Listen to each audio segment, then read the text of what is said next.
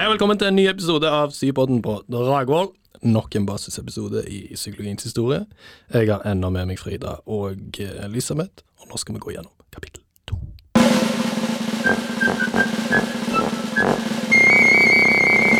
Med det så setter jeg ordet over til Frida. Hei igjen, alle sammen. Vi starter med litt sånn et litt kort og godt overblikk over fakultetspsykologien.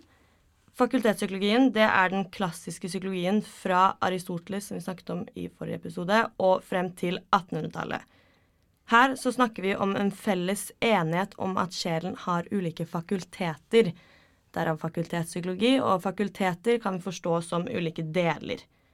Moderne uttrykt så dreier det her seg om ulike funksjoner, noe vi kommer litt tilbake til. Eh, det var videre også en enighet eh, om at disse fakultetene kan deles inn i høyere og lavere, der høyere er de mentale eller spirituelle, og lavere er kroppslige og sanselige. Altså dette kan minne litt om en sånn eh, mekanistisk versus spirituelt verdensbilde. Så hvis Elisabeth skal gå litt nærmere inn på dette her nå Som Frida var inne på, så kan sjelens funksjoner eller fakulteter deles inn i høyere eller lavere funksjoner. Sjelens eh, rasjonelle eller kognitive funksjoner ble i fakultetspsykologien systematisert i det som kalles erkjennelsens trinnstige, der noen av sjelens fakulteter, som nevnt, ble plassert høyere enn andre. Nederst så har vi de fem ytre sansene, syn, hørsel, smak, lukt og følelsessans. Etter det kommer de indre sansene, fellessansen. Den kombinerer og koordinerer de forskjellige sanseinntrykkene. Hukommelsen som kan bevare og framkalle tidligere inntrykk, og forestillingsevnen som kan fremkalle bilder for vårt indre øye. Høyest oppe har man dømmekraften som tillater oss å trekke slutninger basert på tidligere erfaringer og naturlige instinkter, mens intellektet gjør at mennesket med forstanden kan oppfatte og danne abstrakte begreper, og med fornuften kan trekke logiske slutninger. Det jeg har gått gjennom så langt og kjapt, var fakultetspsykologiens måte å forklare hvor kunnskap kommer fra, og hva som er sann kunnskap. En fakultetspsykologisk forklaring på hva som motiverer menneskelige handlinger på den andre siden, tar utgangspunkt i at sjelelivet har ulike drivkrefter. Sjelen har altså en irrasjonell eller konativ side, og denne forklarer våre affekter, lyster, vilje og begjær. De lavrestående sanselige lystene og begjæret ble satt i motsetning til de høyere og åndelige følelsene og den frie og fornuftige vilje. Felles for mange slike fakultetspsykologiske tilnærminger til følelser eller affekter var at de typisk ble sett på som irrasjonelle og gjerne passive, som man lider under eller påvirkes av. Gjennom eh, Augustin, som dere fikk høre litt om forrige episode, så blir vi introdusert for tanken om at viljen har to aspekter. På den ene siden så er det evnen til å sette i gang virksomheter, kalt initium på latin. Og på den andre sida så har man evnen til å velge mellom alternativer, menneskets frie vilje, kalt liberum arbitrium på latin. For fakultetspsykologene var initium en del eller en resterende del av den guddommelige kraften som skapte mennesket. I tillegg til en fri vilje anerkjente også fakultetspsykologien at mennesker har noen naturlige tilbøyeligheter, amor eh, naturalis, som bidro til selvoppholdelse, altså overlevelse, og artsoppholdelse. Den dominerende oppfatningen var at viljen var avhengig av at intellektet forteller oss hva som er godt og riktig, Altså at viljen til syvende og slutt, til syvende og sist, følger fornuften. Ok, eh, men denne fakultetspsykologien, da, den ble revidert på 1600- og 1700-tallet. Den mest åpenbare kritikken her var vel at fakultetene ikke var observerbare. Sjelsevner som hukommelse, intellekt og vilje kunne ikke observeres direkte. Det er det vi snakker om her. Eh, så har vi britiske empirister. De var veldig ivrige etter å gi sanseinntrykk og erfaringer hovedrollen i menneskets sjeleliv. Så påstanden 'intet er intellektet som ikke først var i sansene', den ble tolket veldig bokstavelig og konkret. Og det kunne se ut som at mennesket sto passivt i forhold til sine erfaringer. Eh, så hva mener vi med dette? Jo, på en måte at mennesket ikke tar, altså bringer med seg så veldig mye da, i situasjonene de møter. Eh, men fakultetspsykologien hadde imidlertid et veldig viktig poeng, nemlig at mennesket er aktivt og skapende. Altså sjelskreftene gjør noe med råmaterialet. Også en litt sånn vag setning, kanskje. Hva mener vi med dette? Jo, sjelsevnene, som eksempel intellekt og vilje, da, gjør noe med verden du møter og erfarer. Og i henhold til dagens psykologiske begreper så snakker vi her om eh, informasjonsprosessering som foregår både bottom up og top down, som dere kanskje kjenner igjen fra biologien. Lock og andre empirikere fra 1700-tallet de fokuserte utelukkende på bottom bottom up-prosessen. Og de møtte kritikk da fra rasjonalistene, som dere kommer til å møte på igjen i kapittel tre, som vektla en top down-prosess. Altså de så erkjennelsen som forankret i medfødte og universelle prinsipper. OK. Um, nå håper jeg på litt um, forståelse her. Nå skal jeg si litt vanskelige ord, men vi prøver. Fysiognomikk mm, og frenologi. Det står det om mot slutten av kapitlet, og hva er det vi egentlig snakker om her? Jo, OK. Eh, fysiognomiske studier det omhandler forholdet mellom individets ytre og indre egenskaper. Noen av disse studiene tok utgangspunkt i likheter mellom menneske og ulike dyr. Dette kunne f.eks. være at hvis du ligner på en rev, så er du lur. Så har vi Johan Kaspar Lavater, som er en kjent fysiognometiker på 1700-tallet, eller fra 1700-tallet. Og han mente at silhuetten kunne forklare personligheten. Frans Josef Gall han trekker, og han trekkes også ut av pensum, og han mente at skalleformen var mest informativ når det gjaldt personligheten. Og han observerte bl.a. at eh, de i klassen som var best i latin, hadde fremstående øyne. Og han tenkte seg da at denne språkbegavelsen satt bak øyet og presset det frem. Nydelig. Det er helt nydelig. Eh, og så har vi Johan Gasper Spritzheim. Ja, mange, Spursheim. ja, mange bra navn her. Eh, han var en ivrig elev av Gall, og han gikk inn for frenologi som navn på denne nye vitenskapen. Så han ga altså retningen navn, og dette omhandlet å studere hjernen og se på dens utforming da, i forhold til personligheten. Um, og denne frenologien ble forkastet sammen med fakultetspsykologien og er svært lite holdbar i dag, noe som ikke er så rart, for dette er jo veldig spekulativt. Og med det så har vi gått gjennom kapittel to.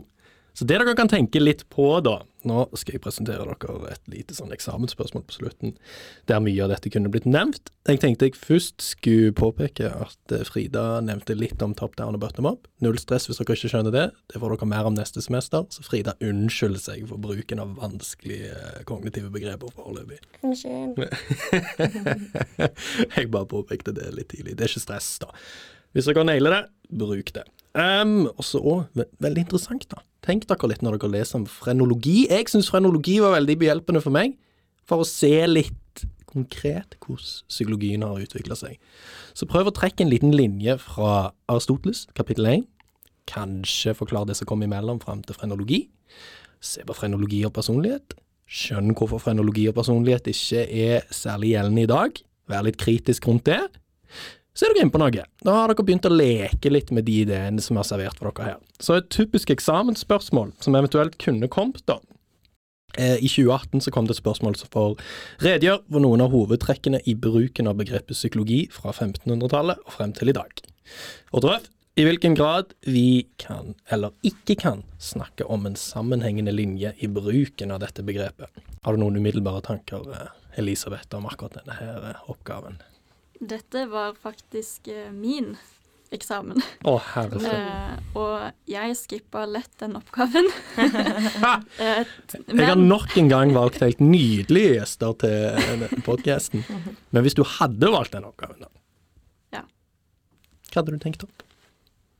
da um, Jeg tenker jo eh, Jo mer man jobber med psykologiens historie, jo bedre forståelse føler man jo at man får. Og nå, har jeg, nå er jeg jo kollokvieleder andre år på rad i historie, og jeg føler at man får mer og mer sånn eh, Ser mer og mer store linjer etter hvert, da.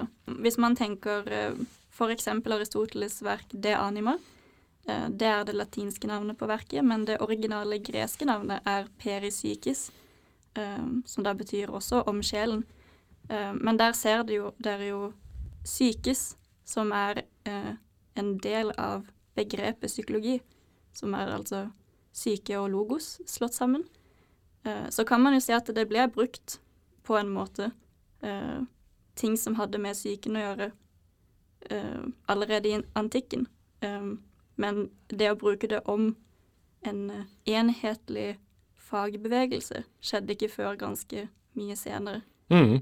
For det, Jeg tror det er viktig å få med seg det at vi snakker om at psykologiens fremvekst fra 1200-tallet og 1500-tallet og fram, men han snakket jo egentlig ikke om en psykologi på 1200-tallet. Det er jo egentlig sånne retninger som Teigen har litt sånn fritt tatt sjøl. Det er jo en stor debatt, det. Når er det psykologien egentlig blir trukket fram som et fagbegrep? Det ble jo nevnt litt i kapittel 1. Markus Merulus, han bruker begrepet. Jeg vet ikke om noen av dere har en sånn idé der, om det er noe viktig studentene kan tenke på når det kommer til bruken av fagbegrepet psykologi, når det stiger fram? Um, uh, hva er det jeg tenkte på? Jo. Um, om Altså, det er når man tok i bruk akkurat begrepet psykologi eller ikke, er kanskje ikke heller det viktigste. Psykologien bygger jo på ideer, så jeg tenker at sjelsbegrepet, som vi snakker om, um, har på en måte gitt psykologien navn, selv om vi ikke opererer med begrepet i dag. Uh, og uh, om man kan snakke om en sammenheng Hva var siste delen av spørsmålet igjen? Jeg tror egentlig du har belyst akkurat det jeg ville du skulle belyse i det spørsmålet Okay. Men akkurat det Frida sier der når det kommer til å, å definere psykologien gjennom sjelsbegrepet, og kanskje òg bruke det som snakket litt om, om teologi i den forrige episoden, hvis du ikke har hørt på den, så snakker vi litt om teologi og dens betydning det har for å akseptere tankegods, nemlig eksempel om man skal akseptere Aristoteles eller Platon sitt fri eller bundet sjelsbegrep, og definere sjelen og bruke det som holdepunkt for å beskrive psykologien, menneskets natur kanskje til og med, det er, da er du inne på noe. Så ja, hvis vi, ja, Fri, du har noe? Ja, Elisabeth? Ja, og i, litt i tråd med, med det som Frida trekker fram, så eh, hvis du ikke har vært like nerd som det jeg var da jeg hadde historie, Å, du eh, var kjempenerd, og, og ikke har faktisk eh, prøvd å lese det anima, eh, så, så er det kanskje ikke så lett å vite, men jeg var passe nerd første semester og prøvde å, å kikke på det anima, og, og det som Aristoteles skriver om der, er at Studiet av sjelen er den fremste vitenskapen mennesket kan drive med. Så altså, allerede på Aristoteles tid så var det snakk om at studiet av sjelen var en vitenskap. Eh, og det var sitt eget fors forskningsområde, blir jo rart å si, men det var, eh, sitt, eh, det var et eget område selv på Aristoteles tid. Jeg tror egentlig det vi kommer fram til her sånn helhetlig, er at dette er en sånn type eksamensoppgave som kanskje ikke er den mest populære, men eh, hvis du kan det, er komfortabel med det, syns at kapittel 1 og kapittel 2 er veldig gøy, og du ser mange av de store linjene, så er dette definitivt en oppgave som gjør at du skiller deg ut blant sensor. Så det var egentlig litt av poenget med disse to episodene, er liksom å påpeke at det er definitivt eh, mange små victories du kan dra ut fra og, og naile det, da. Hvis du f.eks. syns at dette her er lettere enn å forstå basalgrener. Det er jo helt supert. Da er jo løpet definitivt ikke kjørt for deg. Så ha, lite, ha en liten tanke om kapittel 1 og kapittel 2. Nå har vi forhåpentligvis gitt dere noen knagger som dere alle kan bruke i diskusjonsoppgaver. Eh, så hvis dere nailer litt av det, så det, er òg en seier for oss. Jeg tror vi er veldig fornøyde med det. Men ikke stress. Hvis dere, ikke, dere syns dette har vært vanskelig, spør kollokvielederen om hjelp. Bruk diskusjonsforum. Øv på eksamensoppgaver, altså sånne type eksamensoppgaver med medstudenter. Og så begynner du å sakte, men sikkert bygge deg opp et eh, godt repertoar. Så med det, jeg tror ikke det er noe mer. Er det noe mer vi må si? Nei. Nei. Takk for oss, da. Thank you, uh, Frida. Thank you, Elisabeth. Lykke til på eksamen, og uh, snakes.